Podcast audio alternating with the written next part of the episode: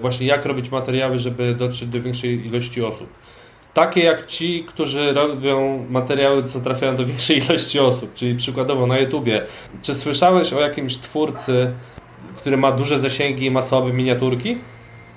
Cześć, ja nazywam się Dawid Straszak i mam przyjemność gościć Was w 34. odcinku podcastu Charyzmatyczny, który powstaje po to, by udowodnić, że charyzmy można się nauczyć, ponieważ mitem jest to, że trzeba się z nią urodzić. A gościem dzisiejszego odcinka jest Piotr Szmeksy-Tomaszewski, z którym będę rozmawiał o tym, jak budować charyzmatyczny wizerunek w sieci. W trakcie wywiadu zapytam Piotra o to, po co w ogóle budować wizerunek w sieci, jakie pytania sobie zadać na samym początku, jeżeli byśmy się na to zdecydowali, skąd wiedzieć, które platformy mediów społecznościowych wybrać, jakie są zyski z budowy marki w sieci, a jakie są minusy. Jak osiągnąć dużą oglądalność albo słuchalność, jak radzić sobie z wewnętrznym krytykiem oraz z hejtem. No i dodatkowo, jak sprzedawać przez internet. Piotr Tomaszewski prowadzi dwa kanały na YouTubie, które mają odpowiednio ponad 100 tysięcy oraz prawie 10 tysięcy subskrybentów. Jest trenerem personalnym, autorem dwóch książek w tematyce treningów, diety i kształtowania sylwetki, przedsiębiorcą, ponieważ jest prezesem marki odzieżowej Improved Wear i magistrem prawa. No i szalenie miłym i motywującym człowiekiem. Zatem przed Państwem Piotr Tomaszewski w podcaście charyzmatyczny. Miłego słuchania.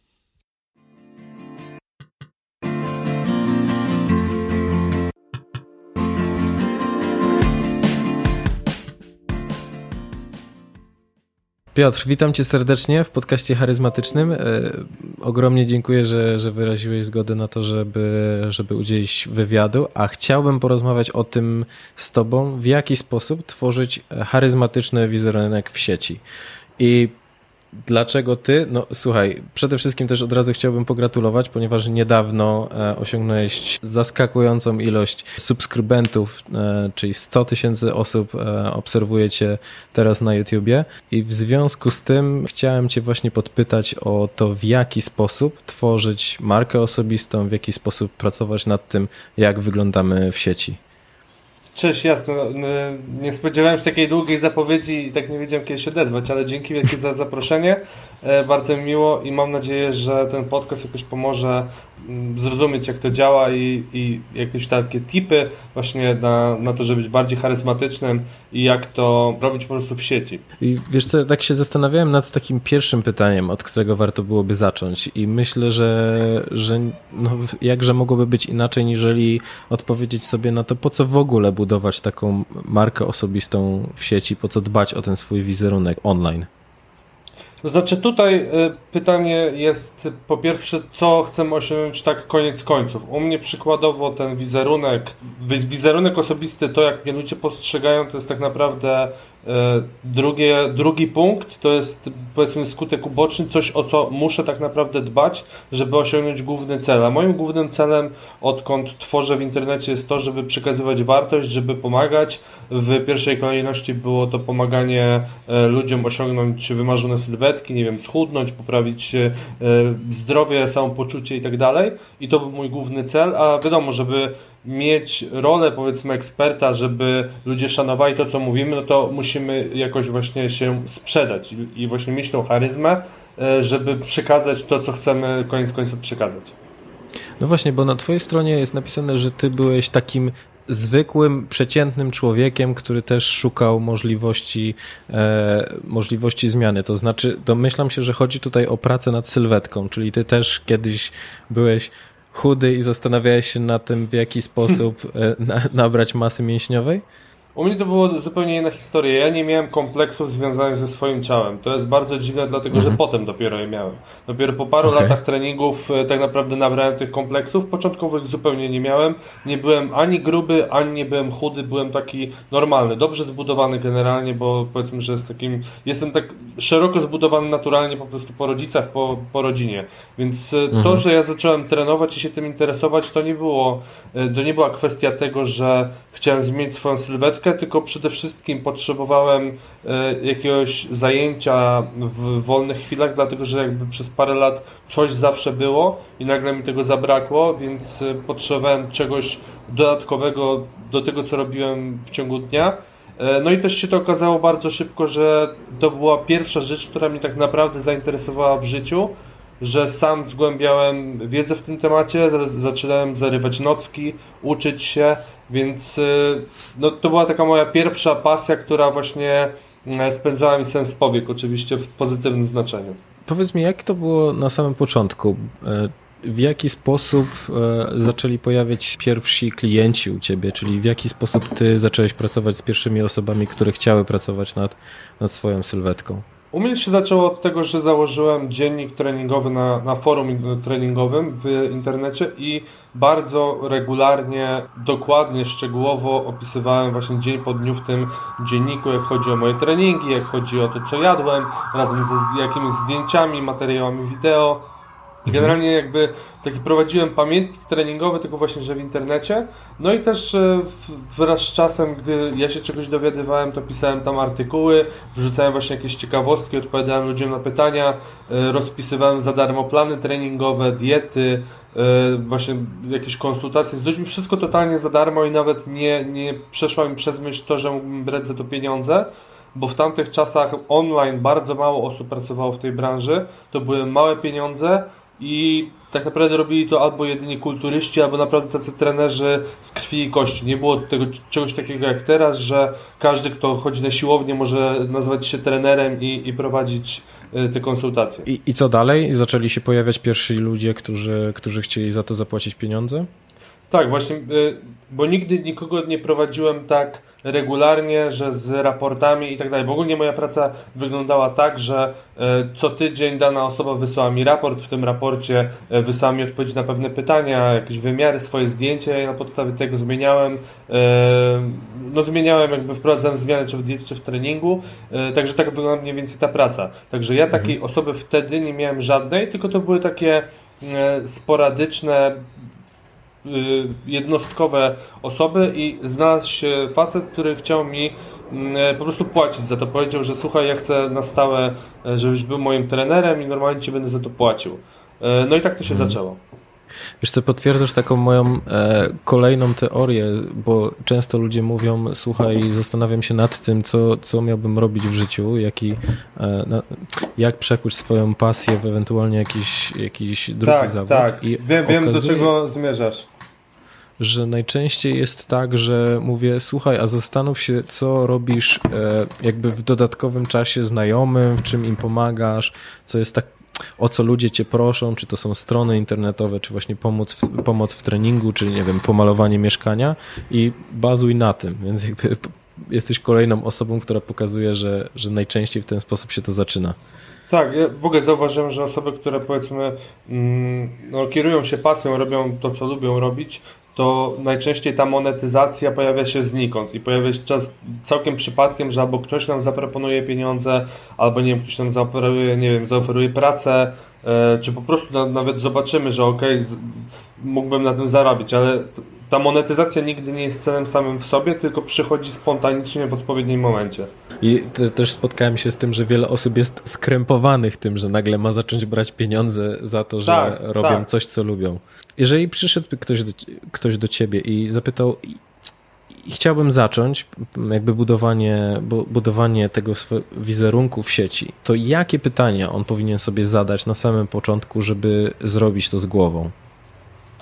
Przede wszystkim odpowiedzieć sobie na pytanie, y, co on właściwie lubi robić i w jaki sposób mógłby tą wartość, no bo wiadomo, że ktoś coś lubi robić, to prawdopodobnie się na tym zna, czyli może coś przekazać dalej, więc w pierwszej kolejności zastanowić się, w jaki sposób mógłbym tą wartość przekazać innym ludziom, żeby im pomóc, e, jaki problem mógłbym rozwiązać. No bo to jest tak samo jak na przykład z otwieraniem jakiejś firmy, że trzeba sobie odpowiedzieć na pytanie właśnie, jaki problem możemy rozwiązać, jaką niszę możemy wypełnić i co zrobić, żeby właśnie wprowadzić jakąś wartość e, na rynek. Jak chodzi o, mhm. o freelancing, ja jestem zdania, że nie ma czegoś takiego, że jest rynek przesycony, i, bo to są no nie wiem, po prostu jakoś tego nie widzę, bo są tysiące, miliony różnych osób, które się zajmują tym samym. Jakiś każdy dobry znajduje klientów, więc jeżeli ktoś jest dobry, to nie ma czegoś takiego jak przesycony rynek. E, także no mhm. mówię, pierwsze pytanie, na które powinien sobie odpowiedzieć, to, to to, czy jaką wartość może innym przekazać i w jaki sposób. Mhm, co lubi robić, ok. I co dalej? w momencie, kiedy powiedzmy, że mamy odpowiedź na to pytanie? E, robić to. To jest, to jest, najtrudniejsze, to jest najtrudniejsza właśnie, najtrudniejsza część tego, czyli egzekucja. Mhm. I to bardzo długa. E, I to bardzo długa i, mm, że tak powiem, bez żadnych plusów, bo to jest jedynie inwestowanie swojego czasu, czasami nawet też pieniędzy. W jaki sposób dobierać platformę, którą, e, w którą będziemy wykorzystywać do dzielenia się wiedzą? Bo z jednej strony mamy to social jest... media, mhm których jest bardzo dużo, czyli mamy Facebooka, Instagrama, Twittera, YouTube e, i pojawiają się coraz to nowe. I skąd wiedzieć, e, w jaki sposób dopasowywać do tego, czym my byśmy się chcieli zajmować, e, medium, z którym będziemy się właśnie dzielić wiedzą? To jest świetne pytanie i odpowiedź jest stosunkowo prosta. Po pierwsze, trzeba odpowiedzieć sobie na pytanie, które media społecznościowe generują najwięcej zasięgu, czyli ile, gdzie najwięcej uwagi spoczywa. Czyli wystarczy wpisać, nie wiem, social media statistics e, i, i rok, w którym jesteśmy e, i prawdopodobnie nam wyjdzie liczba osób, które korzystają z jakiej platformy.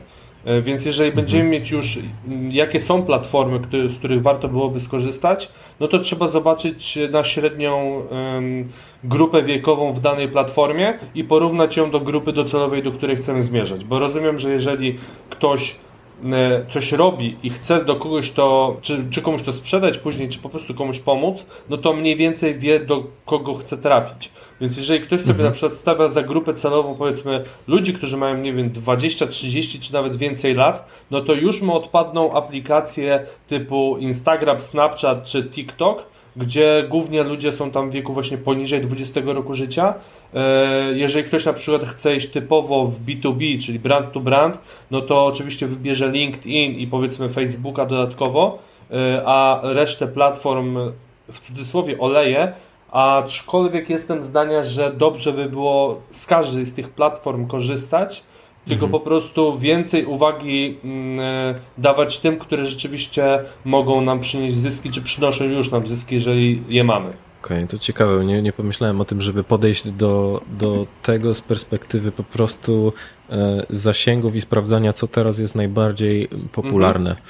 Bo też zastanawiałem się nad tym, że niektóre media, na przykład ty jesteś osobą, która mówi do kamery jako tak. YouTuber.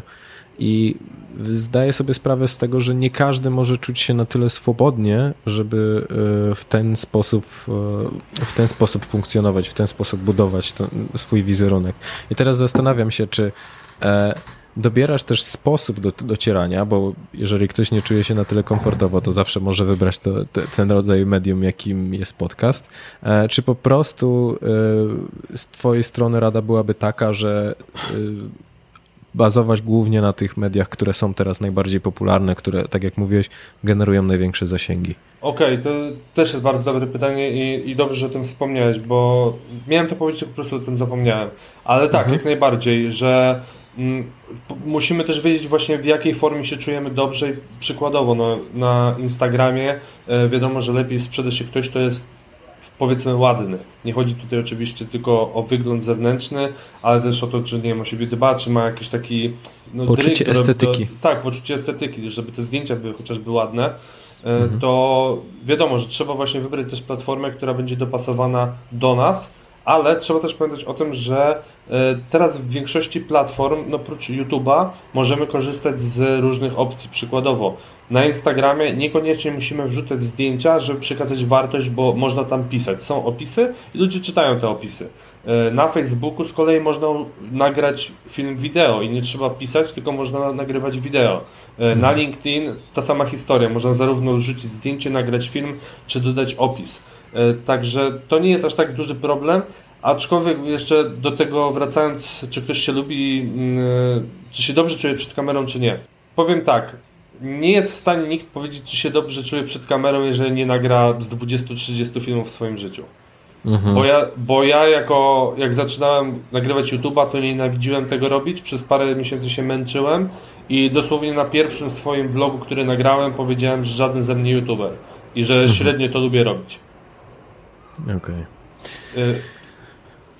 To jakby uśmiecham się teraz do siebie, wiesz, bo mm, ja miałem bardzo podobne odczucia na samym początku, kiedy zaczynałem nagrywać, zwłaszcza w momencie, kiedy mówimy o audio, to zupełnie inaczej brzmi e, dźwięk swojego głosu w momencie, kiedy my mówimy, a kiedy go słyszymy.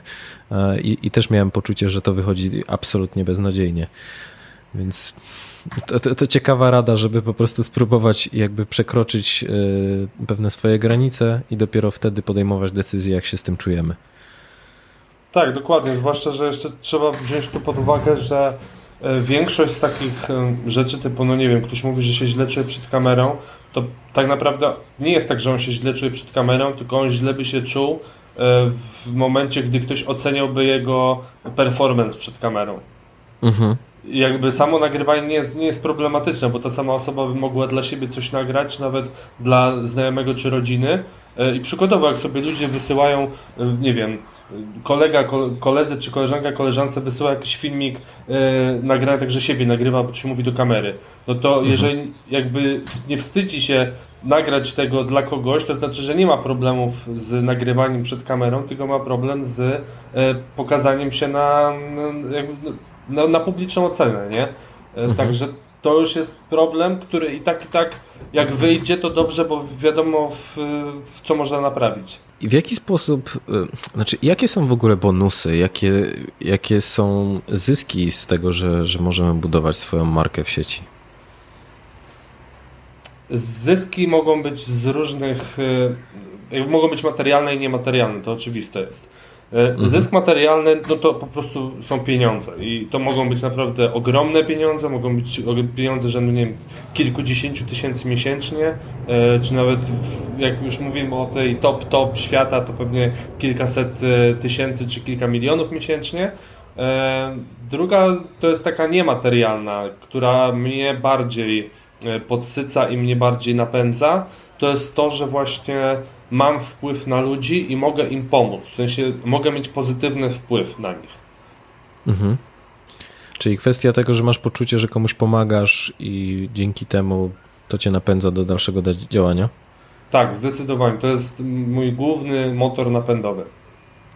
Jaki jest taka najbardziej satysfakcjonująca przemiana albo taka wiadomość, którą, którą dostałeś? Przypominasz sobie coś takiego?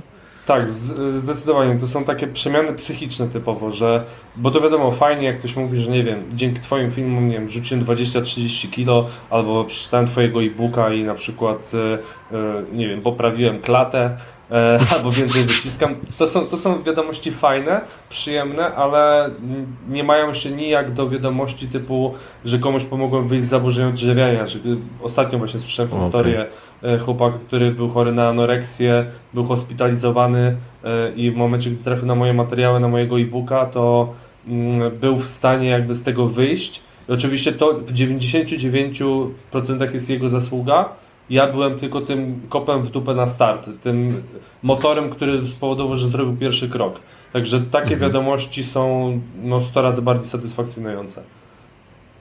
Wow, no to super, to naprawdę bardzo miło mi to słyszeć i gratuluję takich, e, takich wiadomości, takich rzeczywiście realnie wpływasz na, na czyjeś życie, więc mega. Z drugiej strony, jakie są te rzeczy związane z kosztami albo z wadami tego, że, że budujesz swoją markę w sieci? Czy jest coś, o czym, znaczy na pewno jest coś, o czym po prostu my nie wiemy w momencie, kiedy oglądamy Ciebie na ekranie YouTube'a? Według mnie największe dwa minusy to jest to, że mm, znaczy, jeżeli się bierze pod uwagę jedną rzecz, to już to nie jest minus, bo jeden z minusów jest to, że trzeba pamiętać o tym, że w sieci nigdy nic nie ginie. Jeżeli ktoś coś raz zobaczy, to on o tym będzie pamiętał, więc trzeba bardzo odpowiedzialnie dobierać słowa e, w filmach chociażby, czy w opisach, w tym, co się pisze, co się mówi, co się pokazuje, bo no, ludzie potrafią naprawdę niezłe rzeczy wyciągnąć z tego. Już się nieraz na tym przejechałem, że powiedziałem coś, co nie do końca chodziło, w sensie w innym kontekście coś mówiłem, ale ktoś to źle zrozumiał i, i mm, e, ja, ja, ja dostałem przez to. E, a druga sprawa to jest chyba to, że będąc w sieci ciężko mieć też prywatne życie w sieci, bo to nie mhm. idzie ze sobą w parze. Nie da się jednocześnie Mm, znaczy mówię tutaj oczywiście o, o takim self-brandingu, no bo co innego jest e, biznes prowadzić w sieci, a co innego właśnie mm, robić self-branding, no czyli trzeba pokazać to życie prywatne po części.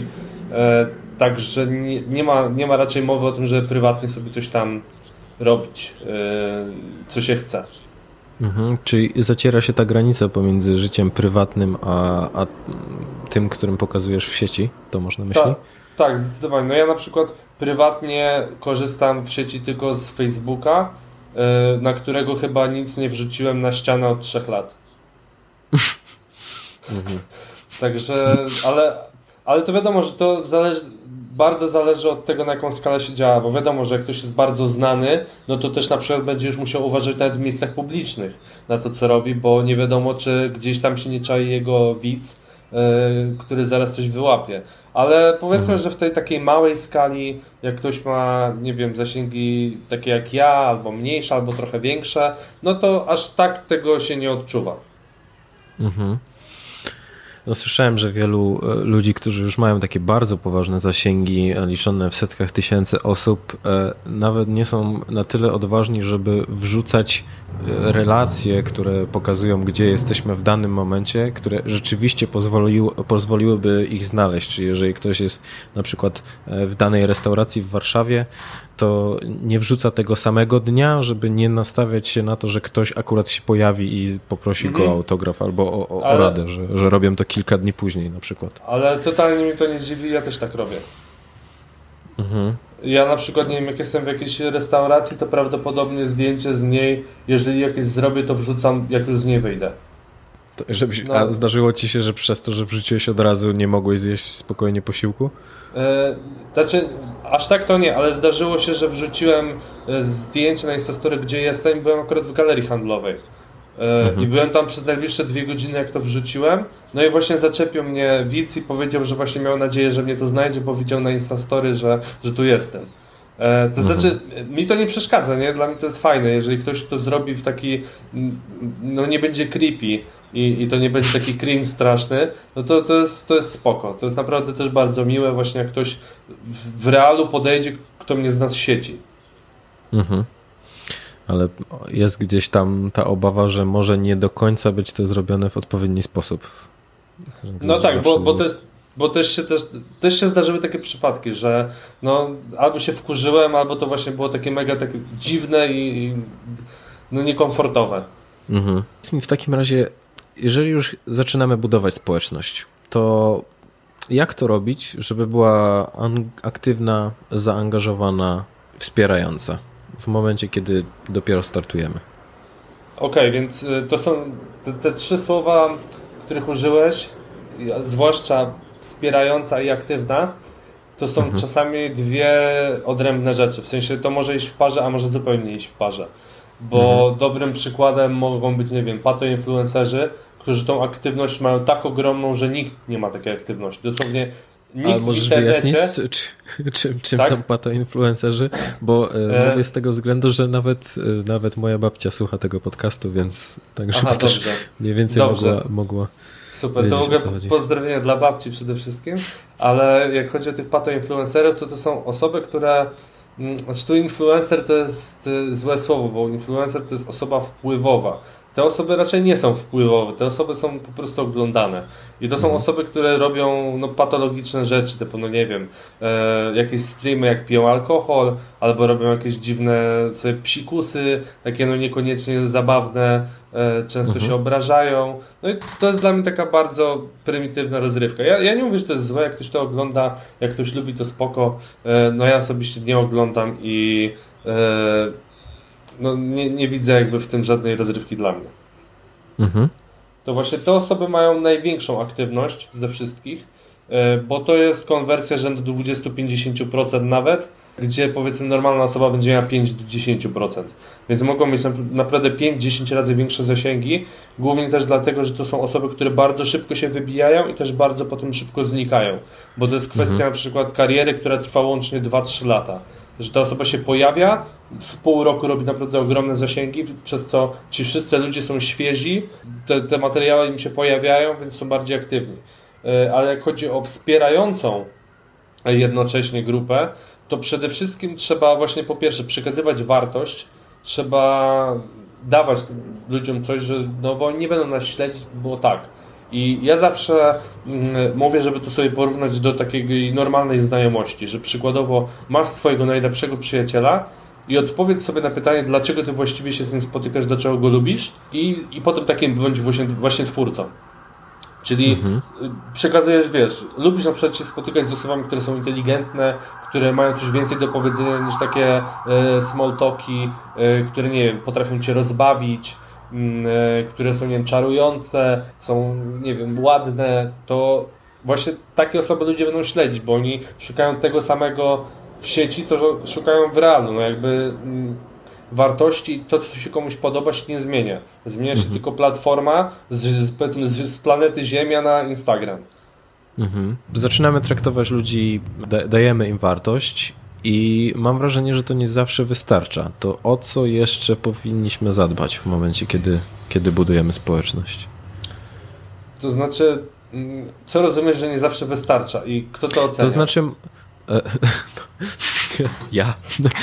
Załóżmy, chodzi mi o to, że e, czy, czy dawanie wartości, czyli wartościowych materiałów, dzielenie się swoją wiedzą, doświadczeniami, pozwoli na to, żeby docierać do jakby poszerzać też tą grono osób, z którymi, do których chcielibyśmy docierać. Mam wrażenie, że czasami e, my też przez platformy mm, social mediowe jesteśmy zamykani w pewnych bańkach. To znaczy Facebook mówi, ok, docierasz do tam powiedzmy 100 osób, jeżeli chcesz docierać do więcej, to będziesz musiał zapłacić. Czyli w jaki sposób e, to zrobić, żeby, okay. docierać też co, do coraz większej ilości osób?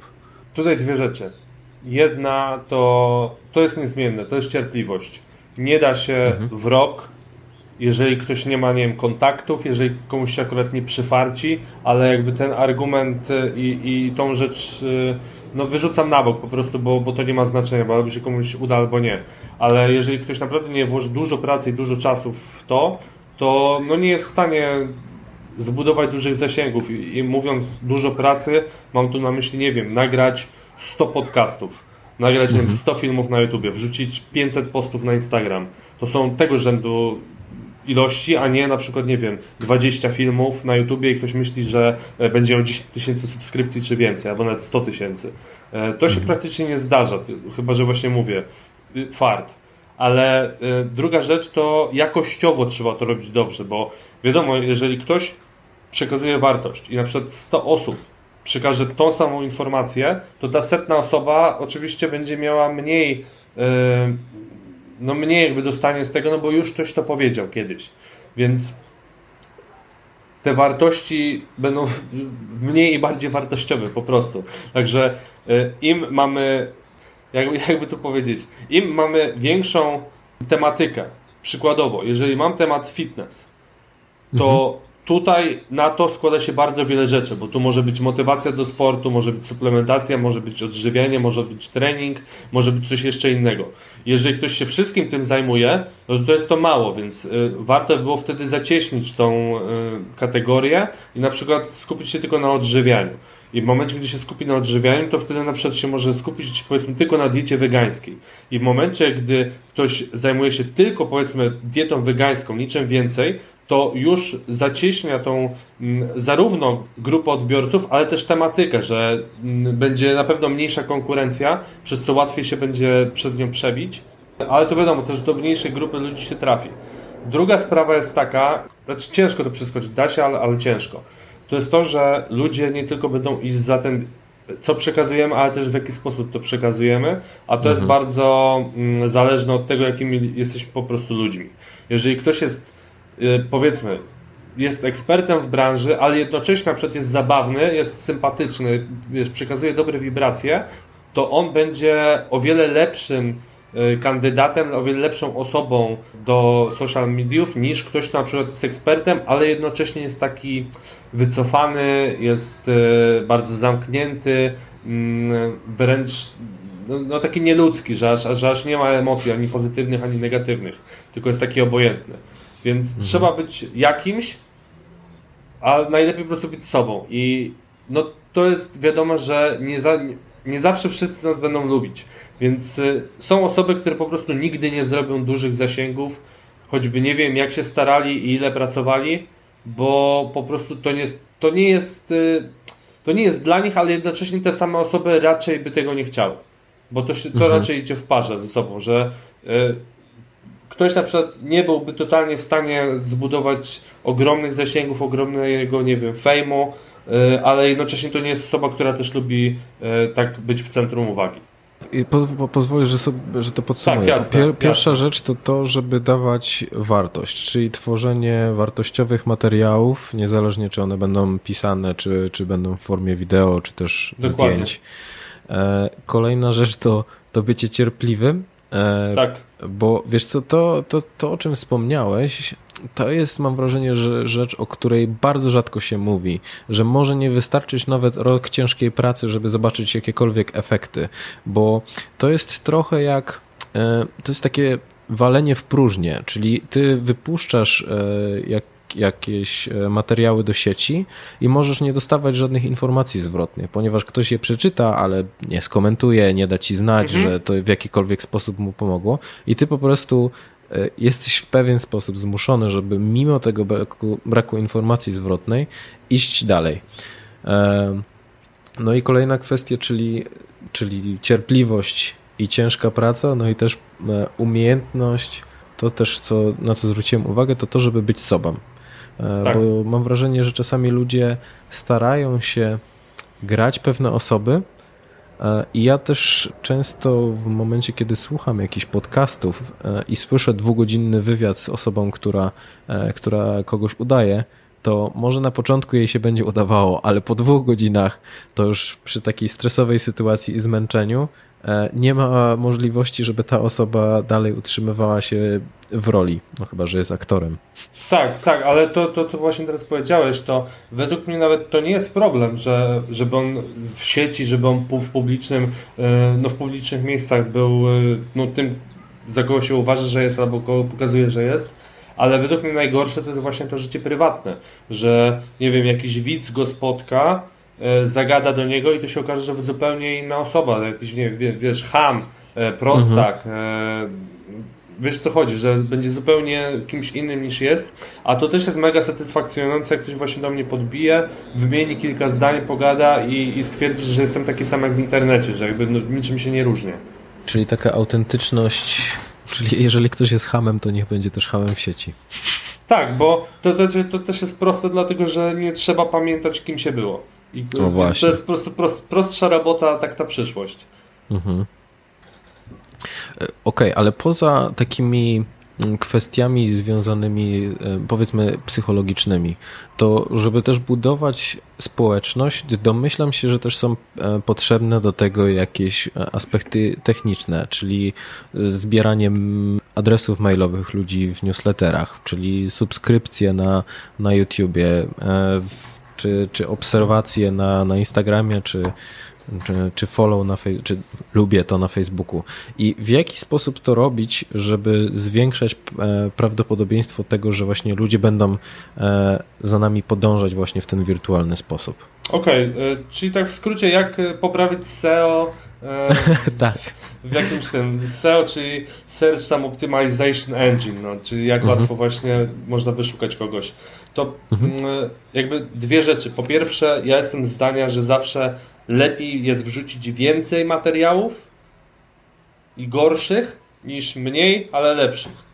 I tu mhm. już tłumaczę dlaczego. Po pierwsze, jeżeli ktoś, i tu, tu oczywiście mówię o tych, którzy zaczynają, czy tych, którzy to robią 1-2 lata, bo wiadomo, że jeżeli ktoś to robi na przykład 10 lat, no to już doskonale wie um, o co chodzi, ale to za, zaraz do tego też dojdę, że jeżeli ktoś zaczyna, to on nie wie, w czym będzie dobry, co on będzie sprawiało frajdę, e, w czym na przykład ludzie będą go lubili słuchać, a, a czego nie będą lubili słuchać, więc robiąc więcej materiałów mamy też więcej mm, feedbacku, czyli mamy więcej e, tego, co, jak ludzie na to reagują. Więc wrzucając na przykład 100 postów na Facebooka w ciągu miesiąca, e, będziemy mieć 100 razy więcej możliwości niż na przykład wrzucając raz w miesiącu na, na Facebooka. Czyli po prostu więc więcej wrzucając, więcej robiąc tego kontentu, możemy więcej wyłapywać, co się ludziom podoba, a co nie i co nam się podoba, a co nie i w co na przykład iść.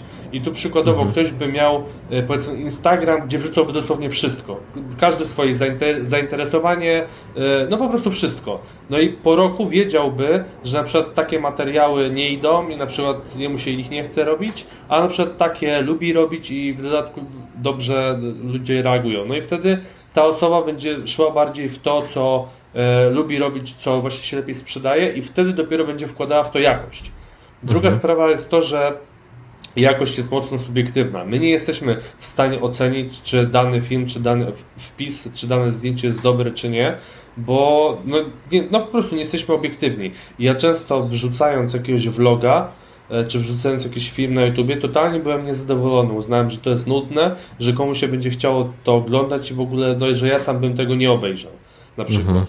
E, gdzie po czym e, dostaję w komentarzach wiadomości, że, że zajebiście, nie? że więcej takich vlogów, więcej takich materiałów było super, wiesz, ktoś się uśmiał za przez jakiegoś czerstwego żartu, który rzuciłem e, i, wiesz, to nie jesteś w stanie ocenić i w dodatku nie jesteś w stanie ocenić akurat co łyknie algorytm, bo to mhm. jest kolejna kwestia, na którą mamy bardzo mały wpływ i o czym właśnie też powiem teraz, że właśnie jak robić materiały, żeby dotrzeć do większej ilości osób. Takie jak ci, którzy robią materiały, co trafiają do większej ilości osób, czyli przykładowo na YouTubie. Czy słyszałeś o jakimś twórcy, który ma duże zasięgi i ma słabe miniaturki? Nie. No właśnie. I wiesz, to jest tak samo jak te clickbaity, nie? Jeżeli ktoś by nazywał normalnie filmy, to duże prawdopodobieństwo jest takie, że nikogo to nie będzie interesowało, bo e, mhm. tyle tego jest, że trzeba czymś przykuć uwagę.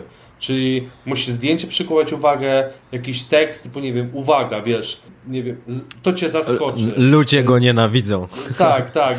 Pięć sposobów, sprawdź czy, nie? Za ile umrzesz. I wiesz, takie krótkie hasła czy zdjęcia spowodują, że ktoś zwróci uwagę. Jeżeli już zwrócisz tą uwagę, no to wtedy tak naprawdę już od ciebie zależy, co się będzie działo dalej, bo mhm. no, ja przykładowo na YouTubie robię clickbaity, nie, nie wstydzę się tego, e, aczkolwiek nie, nie oszukuję też ludzi, nie, nie robię e, miniatur albo e, tytułów, które ma, nie mają żadnego pokrycia w filmie. Mhm. Ale staram się wychwycać to, co najlepiej się sprzeda, to, co najlepiej na przykład już się sprzedaje, czyli przykładowo, nie wiem, jak nagrywam film, powiedzmy, bym chciał nagrać film o tym, jak zbudować większy biceps, no to wpiszę w Google, nie wiem, biceps, siłownia i zobaczę materiały, które mają największą ilość wyświetleń. No i będę patrzył na, nie wiem, słowa kluczowe, które tam są, na to, jak wygląda właśnie miniaturka i będę starał się zrobić coś podobnego, ale po swojemu, no z nadzieją, że to łyknie, bo to, czy to łyknie, czy nie, to nigdy nie wiadomo. Ale to jest takie no. zwiększanie tego szans. Mhm. A, w do... co, od... A w dodatku mhm. jeszcze tylko powiem, że do każdej jakby, to wszystko można sprawdzić w Google, czyli na przykład how to optimize YouTube video, nie? I tu już będziesz miał strony, na których będzie opis dokładnie, co możesz zrobić, żeby poprawić te zasięgi. Tak samo na Instagramie czy na innych platformach. Mhm. Kurczę, to jest, to jest super rada i powiem Ci, że ja wie, przez bardzo długi czas miałem taki opór przed takimi clickbaitowymi tytułami. Właśnie nauczyciele go nie, nienawidzą, ponieważ mhm. nauczył się języka w dwa miesiące, tak? Sprawdź. Mhm. A potem no. E, zacząłem się zastanawiać, z czego może to wynikać i z jednej strony mocno przekonało mnie fakt, że w momencie, kiedy masz rzeczywiście coś wartościowego, czym e, chciałbyś się podzielić z ludźmi i to może, tak jak w twoim przypadku, jak wspominałeś, zmienić czyjeś życie, to w momencie, kiedy ty nie dajesz się zauważyć, to dokładnie jest tak samo, jakbyś po prostu wygłaszał przemówienie do, do pustego pomieszczenia, bo nikt go nie będzie słuchał i nie ma znaczenia wtedy, jak, wa, jak, jak wartościowe są rzeczy, o których mówisz, bo po prostu Dokładnie. nikt go nie usłyszy. Dokładnie, no dobrze powiedziałeś właśnie, że najważniejszy jest efekt końcowy, który osiągniesz. Wiesz, yy, przykładowo, ludzie się śmiali, jak był Ice Bucket Challenge, że to może być, nie wiem, śmianie się z chorych ludzi, że to jest niepoważna akcja, a jest poważny problem. Tylko koniec końców to zgromadziło bardzo dużo pieniędzy i pomogło wielu tysiącom osób. E, I tutaj to, w jaki sposób to było zrobione, nie miało totalnie znaczenia, bo ważny był wynik. Wspominałeś o tym, że zdarzało ci się, że nie byłeś przekonany sam co do filmu, Tak. który wypuszczałeś. Tak. A na pewno było, e, były takie sytuacje w twoim życiu, kiedy pojawiał się wewnętrzny krytyk, który właśnie szeptał ci do ucha, że Piotr, nie powinieneś tego wypuszczać. To będzie beznadziejne, ludzie będą się z ciebie śmiali i wyjdziesz na głupka. Tak. E, znaczy, każdy ma ten monolog wewnętrzny, indywidualny i u każdego Tak. występuje trochę inaczej. Ale jak sobie radzić z tym wewnętrznym krytykiem? Jak przekonywać się do tego, żeby mimo wszystko e, wypuszczać tą, tą, e, tą wiedzę do sieci? Znaczy, powiem tak, ciężko z tym walczyć i ciężko powiedzieć na to radę, bo to trzeba się mm, po prostu stanąć twarzą w twarz z tym, żeby coś zmienić, bo oczywiście mogę dać taką radę, że nie wiem, jeżeli masz jakąś przyjaciela, który jest obiektywny i wiesz, że będzie z tobą szczery, to mu to wyślij, on to oceni, albo na przykład wyślij to małemu gronu, który w miarę ufasz, i tak dalej, i tak dalej. Ale nie ma co ukrywać, że nowi twórcy, jeżeli, bo to, bo to mówimy tylko o nowych twórcach, no ktoś, kto tworzy, nie wiem, rok, dwa, trzy, cztery, pięć i tak dalej, już e, mało go to interesuje. Ale ci, co tworzą mało, też mają małe zasięgi, więc no trzeba się zastanowić, czy warto się martwić tym, co powie 30 osób, które to zobaczy. Mhm. Yy, Także no mówię, na to nie ma tak naprawdę rady, prócz takiej, żeby, żeby to robić. I, I nie wiem, jeżeli ktoś myśli, że jakiś materiał jest do dupy, to go wrzucić, yy, zobaczyć co się stanie. Jak będzie do dupy, to najwyżej w następnym materiale nagra albo napisze sorry za poprzedni materiał, wiem, że był do dupy. Mhm. I już będzie śmiesznie, nie? I wtedy prawdopodobnie więcej osób wejdzie, żeby przesłuchać e, ten poprzedni, bo będzie ciekawe, dlaczego on stwierdził, że, że, Tak. że nie było w odpowiedni sposób. Tak. E, No i to jest też pok- pokazanie tej swojej e, ludzkiej strony, że my też się, wiesz, w momencie, kiedy przeglądam e, twojego YouTube'a i widzę po prostu ilość filmów wyprodukowanych przez ciebie, to Mhm. absolutnie nie jest możliwym z czysto ludzkiej perspektywy, żeby cały Mhm. czas podwyższać jakość z każdego kolejnego Nie. filmu. Nie, nie, nie, ma, nie ma totalnie szans, zwłaszcza, że wręcz powiem tak, że ja od co najmniej pół roku totalnie nawet e, się na tym nie zastanawiam i mi na tym nie zależy. E, Nawet potrafię czasami wypuścić materiał gorszej jakości, bo nie wiem, nie chce mi się latać z aparatem, który twarzy, waży kilogram, tylko wolę polatać sobie z Osmo Pocket, który waży 200 gramów i mi się dużo wygodniej nagrywa, mimo że jakość będzie gorsza. Ale też pamiętam zawsze o tym, że najważniejszy jest content e, i, i najważniejsze jest to, co ja chcę przekazać. A, a czy to będzie czarno-białe, czy to będzie słabej jakości, w sensie mm, e, wideo czy audio, czy dobrej, to nie ma aż takiego znaczenia jak to, co, to, co właśnie przekażemy. Załóżmy, że wypuszczamy już jakiś, e, jakiś materiał do sieci. Tak, To, co najczęściej, znaczy co najczęściej, co może nas spotkać, to też hejt. Czyli osoby, Tak. które podważają wartość, którą, e, którą chcielibyśmy się dzielić. W mniej przystępny sposób lub bardziej przystępny, czyli e, od, od e, zwykłego komentarza, który mówi o tym, że nie do końca mi się podoba to co, to, co wypuściłeś, a przez takich, którzy no jakby nie pozostawiają suchej nitki na nas. Mhm. I w jaki sposób radzić sobie z hejtem, który występuje w Okej. sieci? Zwłaszcza, że ty Okej. jesteś youtuberem, więc domyślam się, że tam jest naprawdę wielkie pole do, do popisu dla, tak, e, tak. dla ludzi, którzy chcą dać ujście swojej fantazji. Ja powiem tak, e, taką historię backstage do tego, co powiem później, żeby pokazać, że e, jestem dobrą osobą, żeby odpowiedzieć na to pytanie. Mhm. E, U mnie było tak, że ja hejtu miałem bardzo, bardzo, bardzo mało. E, Ja w momencie, gdy zacząłem ćwiczyć, za- zacząłem tworzyć i wrzucać to do sieci, to pierwszy hejt, może jakiś komentarz taki, i to też nie był taki mega chamski, tylko właśnie coś z tyłu, że nie podoba mi się to, albo nie wiem, no, cokolwiek, ale nie było to jakieś poważne, to pojawił się po kilku dobrych miesiącach tworzenia, gdzie już mnie śledziło parę tysięcy osób e, i totalnie do tego czasu nie miałem żadnego hejtu, E, aż nagle, gdy po dwóch dobrych latach nagrałem film na YouTubie, na który odpowiedział, zhejtował mnie i po prostu mnie zniszczył youtuber, który miał wtedy 5 razy większe zasięgi ode mnie. Wrzucił właśnie ten film do sieci i wszyscy jego subskrybenci zaczęli do mnie wchodzić i każdy zostawił chamski komentarz. Usunąłem z 400 sensie to on był- komentarzy. Jeszcze Czy raz? to był taki film, czy to był taki film typowo, żeby y, wy, wyprodukowany tylko, żeby, żeby ciebie zhejtować, tak? Tak, tak, tak, nawet z nazwą moją w tle, miniaturką, wszystkim, z imieniem, nazwiskiem, no dosłownie wszystko tam było. Mhm. E, e, No i po czym przez dwa dni usuwałem z 400 czy 500 komentarzy, bo po prostu no, było pełno hejtu. Ale ja sam w sobie wtedy miałem z tego straszny ubaw i bekę. Po prostu, no, no nie, mia- miałem z tego bekę, że byłem w stanie sprowokować gościa o większych zasięgach, żeby mi podbił zasięgi moje, nie? Mhm. E, i żeby więcej osób się o, o mnie dowiedziało. To była dla mnie taki no, mały sukces i podobnie jak był z sukcesem w tym roku to, że sprowokowałem Roberta Gryna w ciągu 12 godzin. Mhm. E, Dla mnie to jest sukces, że jako gość, który no, jest praktycznie nikim, byłem w stanie sprowokować jednego z najbogatszych Polaków w Polsce. Okej. Dla, mówię, dla mnie to był sukces, nie osobiście, ale to już tak e, idąc w stronę tego, jak sobie z tym radzić, e, to przede wszystkim e, trzeba właśnie rozdzielić hejt taki typowy, te, takie chamskie komentarze, które e, no po prostu są chamskie i nie mają nic e, jakby na celu, co obrazić twórcę.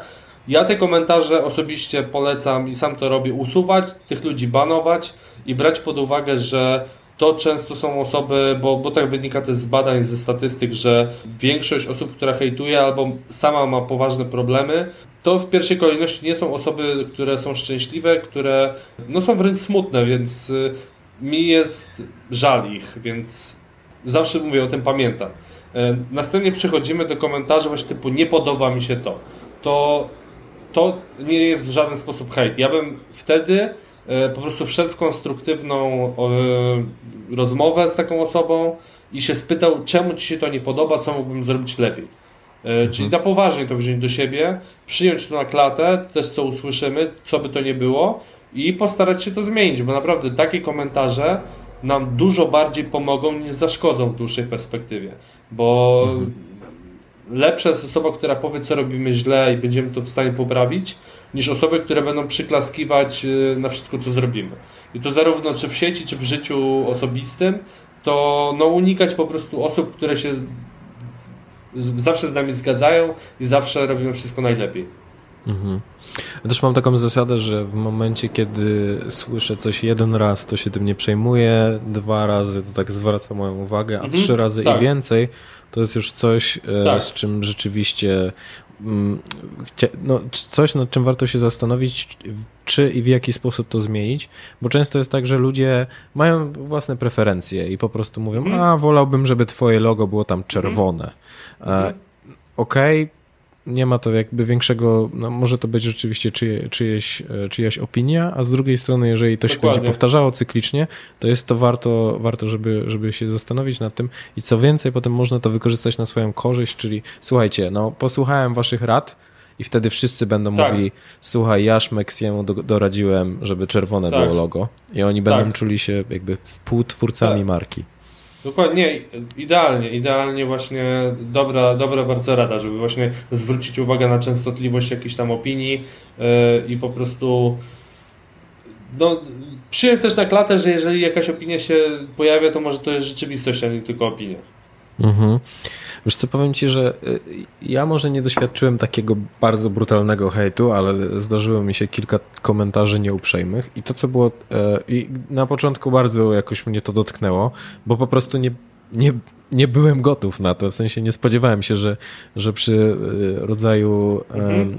mojej twórczości po prostu ludzie będą, że komuś będzie się chciało wysłuchać dwugodzinny podcast, żeby na, przykład o nauce języków, żeby, e, żeby potem wypowiedzieć się negatywnie. E, I to, co mnie mocno ośmieliło, jakby tak, e, może nie tyle ośmieliło, ale zmieniło moje podejście, to sytuacje, kiedy jechałem tramwajem i zobaczyłem człowieka, który na swoim telefonie pisał komentarz, który był po prostu hejtem i wtedy zmaterializował się przede mną po prostu Mhm. hater i mogłem zobaczyć, jak on wygląda, że to już nie jest gdzieś tam, wiesz, os- osoba po drugiej stronie ekranu, tak. która nie ma po prostu, nie wiadomo jakim jest człowiekiem, tylko mogłem po prostu wręcz go dotknąć i sobie pomyślałem, aha, dobra, czyli w ten sposób wygl- mogą wyglądać hejterzy w momencie, kiedy wiesz, postawiłem ta, z drugiej strony człowieka, to zdecydowanie łatwiej mi jest z tym, z tym działać po prostu. No, a ile miał lat? 12? Nie, nie, był, był starszy. Okej, okay. ale a propos właśnie jeszcze tego, no, co powiedziałeś, że nie, nie, nie spodziewałeś się hejtu w, w podcaście, że ktoś mhm. właśnie przysłuchał i tak dalej. No właśnie, ja, ja się nie dziwię, no gość dwie godziny życia stracił na materiał, tak. któremu się nie, nie, nie, spodobał, więc wiesz, miał prawo, żeby się wkurzyć. Znaczy wiadomo, że może, może w ogóle tego nawet nie oglądał, tylko akurat y, po prostu kliknął, y, żeby napisać komentarz chamski, bo tak też mogło być, ale mhm. to też pokazuje właśnie, że najwięcej hejtu jest na YouTubie, bo tam mhm. ludzie najwięcej czasu marnują, czy najwięcej czasu, no Najwięcej czasu inwestują, żeby obejrzeć materiał na, na YouTubie, no bo na Instagramie co, jak mu się zdjęcie nie, nie spodoba, to przewinie dalej, no i więcej straci na komentarz i pisanie tego komentarzy czasu, niż na oglądanie zdjęcia. Na. YouTubie, no to już tak może być, że ktoś na przykład szuka odpowiedzi na jakieś pytanie, e, w tytule będzie na przykład, że jest ta odpowiedź, a on tej odpowiedzi nie usłyszy i na przykład stracił 10 minut życia. E, mhm. No to wtedy ma prawo być zły, nie? No bo mówię, no stracił czas. Jasne. Jeżeli miałbyś pomyśleć o początku Twojej drogi e, tak. i o tym, czego nie wiedziałeś na samym początku, jeżeli miałbyś, mógłbyś zmienić jakąś jedną rzecz, to co by to było i dlaczego? Ciężkie to jest pytanie, ale mm, wydaje mi się, że najlepszą odpowiedzią byłoby to, że więcej bym wrzucał do tej sieci. Mhm. Czyli właśnie to, co mówiłem na początku, że ilość, a nie jakość, bo cała reszta to jest coś, czego do czego trzeba się po prostu nauczyć i przez to trzeba przejść, bo e, to, że ktoś by ci to powiedział, nic nie da. Bo to wiesz, to jest jak z wieloma rzeczami w życiu, że powiesz komuś, że no nie wiem, kogoś to się powiedzmy boi latać samolotem, że e, co się boisz latać, jak statystycznie to katastrof lotniczych jest tyle, co tam, e, co w ogóle prawie ich nie ma, a, a jeździć samochodem jest milion razy więcej wypadków. To jakby mhm. wiedza na ten temat nic tej osobie nie daje. Jest dalej to samo przeświadczenie, dalej ten sam strach i dalej te same obawy. I w momencie, gdy ktoś się z tym zmierzy dopiero, to będzie w stanie coś zmienić, bo to, że przeczyta o tym, czy usłyszy to tysiąc razy, nic nie zmieni. I ja też mogę właśnie powiedzieć takie hasła górnolotne, e, gdzie i tak, i tak, no nic to nie da, dopóki ktoś tego rzeczywiście nie zrobi. Także powiedziałbym właśnie, że e, bardzo materialna rzecz, taka, którą można zrobić od razu, i która na pewno by mi pomogła, to wrzucać więcej materiałów. Czyli wracamy do tej ciężkiej pracy i generowania jak największej ilości wartości do sieci. Mhm. A teraz temat y, powiedzmy, że czasami drażliwy, czyli jak to robić, żeby sprzedawać przez internet, ponieważ dlaczego mówię, że może być drażliwy? Z tego względu, że y, często u nas w Polsce, jeżeli mówimy o sprzedaży, to kojarzy się to negatywny sposób. Czyli jak to zrobić, żeby nie być nachalnym, żeby mhm. ludzie nie odebrali tego, że próbujemy mhm. im coś wcisnąć, a po prostu sprzedawać w sieci. E, to powiem Ci, to nie, nie jest tylko kraj, to jest tak naprawdę wszyscy. Nikt nie lubi słowa kup. E, bo to nie jest fajne słowo i nie, nie powinno się przede wszystkim takiego słowa używać, jeżeli chcemy zarobić w sieci. E, mhm. Bo no mówię, to, to, zawsze się źle kojarzy. Wiesz, no, lepszy dla mnie jest na przykład zainwestuj. Bo mhm. inwestycja już się kojarzy pozytywnie. To już jest takie słowo aha, czyli e, włożę na przykład pieniądze, ale wyciągnę na przykład więcej pieniędzy, albo wyciągnę coś, co jest e, równowartością tych pieniędzy, albo nawet więcej. I to już jest takie słowo, które się tak będzie kojarzyło. Kup nie, nie zawsze jest czymś pozytywnym, bo można kupić jakieś gówno i tylko stracimy pieniądze. E, mhm. Także na pewno unikać słowa kup. Następna sprawa to nie mówić o produkcie, który chcemy sprzedać, E, tylko pokazać go. I tu oczywiście czasami jest łatwiej to zrobić, czasami trudniej. U mnie przykładowo mając e-booki, no nie mogę ich nawet pokazać, bo to jest forma elektroniczna, więc nawet nie, no, no jestem w takiej, że tak powiem, czarnej dupie, że nawet nie mogę książki pokazać. I, I co jest w środku, nie? Tylko mogę, nie wiem, nagrać zrzut ekranu. Tylko, że właśnie pokazać to, co może dać ta książka. I tu przykładowo, e, ja nagrywając film do YouTube'a pokazuję swoją wiedzę pokazuje, że można mi zaufać, totalnie za darmo. Jeżeli ktoś na przykład zobaczy film, e, wdroży moją radę w życie i ona mu pomoże, no to będzie miał takie, aha, czyli ten gość jednak wie co mówi, no to na przykład spróbuję czegoś innego. I ja przykładowo nie mam newslettera, nie prowadziłem newslettera, tylko ja mam YouTube'a. I ludzie Mhm. oglądając film na YouTubie coraz bardziej przekonują się do tego, że mam rację powiedzmy i mogą, ale nie muszą kupić e, mój program. Są osoby, które zrobiły przemianę tylko oglądając moje filmy, są osoby, które kupiły e-booka i z niego skorzystały, są osoby, które prowadziłem e, online e, indywidualnie, także to jest bardzo różne. Ale przekazując wartość, pokazujemy siebie jako eksperta w danej branży, więc dużo łatwiej już jest to zmonetyzować potem, gdy już ludzie wiedzą, że po prostu jesteśmy w tym e, nieźli. Mhm. Czyli tak naprawdę budujesz tą sprzedaż przez zaufanie, czyli przez to, Tak. że ludzie wiedzą, kim Tak. ty jesteś i mogą ufać, że ten e-book, niezależnie czy dla kobiet, czy dla mężczyzn, będzie na tyle wartościowy, jak filmy, których dostarczasz. Dokładnie. No i mam jeszcze pytanie, które zadaję wszystkim gościom, czyli Mhm. czym dla ciebie jest charyzma? Ale w skrócie, jakbym miał tak powiedzieć, e, Nie pytam Pierwsze- cię o definicję, tylko to, co wiem, czujesz. wiem. Pierwsze, co mi przychodzi do głowy, to jest e, umiejętność sprzedania swojej osoby. Mhm. To jest, e, nie, nie, nie, jakby nie uważam tego za dar, nie uważam tego za coś, co jest wrodzone, genetycznie predysponowane, albo że niektórzy są bardziej, niektórzy mniej charyzmatyczni. Uważam, że jest to umiejętność jak każda inna, której się można nauczyć. Jest to właśnie umiejętność sprzedania się, czyli pokazania e, komuś e, czegoś, co chcemy pokazać, bo to niekoniecznie musi być prawda oczywiście, bo ktoś, kto jest złodziejem, kłamcą też może mieć bardzo ogromną charyzmę i często tak jest. Albo Mhm. jeżeli, ktoś, jeżeli są liderzy jakichś, nie wiem, złych organizacji, no wiesz co chodzi, szemranych biznesów, to to są osoby zazwyczaj, które mają też wysoką, dużą charyzmę. Także uważam, że jest to po prostu no, dużo różnych mi, mikro umiejętności, które w koniec końców e, pomagają nam się sprzedać. Dobra, Piotr, gdzie, gdzie znaleźć cię w sieci? Okej, to najszybciej znaleźć mnie w sieci na YouTubie i wystarczy wpisać Piotr Tomaszewski e, i wyjdzie mój jeden i drugi kanał. Można też znaleźć mnie na Instagramie pod nickiem małpa szmeksy. E, A tak to tam na Facebooku, na LinkedIn mm, to już tam szybko się wykopię. W razie czego wszystkie social media oraz linki Mhm. do nich będą podane na, na, na stronie internetowej podcastu, czyli dawidstraszak.pl. E, No i oczywiście w social mediach. E, Słuchaj Piotr, dzięki wielkie e, za, za to, że, że, że wpadłeś do charyzmatycznego. Kurczę, no dla mnie to była olbrzymia e, dawka wiedzy i też inspiracja, a raczej takie uspokojenie, żeby kontynuować ciężką pracę nad podcastem i, i, i czekać cierpliwie na efekty. Ja również dziękuję za zaproszenie. Cieszę się, że mogłem wystąpić w końcu w podcaście, który nie ma nic totalnie wspólnego z fitnessem, bo już ten temat trochę mnie nudzi. E, I pełen szacun też dla Ciebie, że właśnie zająłeś się podcastem, który mm, obecnie mm, nie, nie jest aż tak popularny, nie, nie aż tak się dobrze sprzedaje jak powiedzmy Instagram, czy, czy TikTok, czy, czy YouTube, ale no śmiem twierdzić, że za rok, za dwa e, tych ludzi, którzy słuchają podcastów będzie dwa, trzy razy więcej. Także super. trzymaj Trzymam się, trzymaj się tego, żeby, żebyś to robił regularnie i po prostu działaj, no bo to ni- nic więcej nie można zrobić. Okej, dzięki wielkie. Ale zanim wrócicie do swoich codziennych zadań, to chciałem Was jeszcze poprosić o drobną przysługę.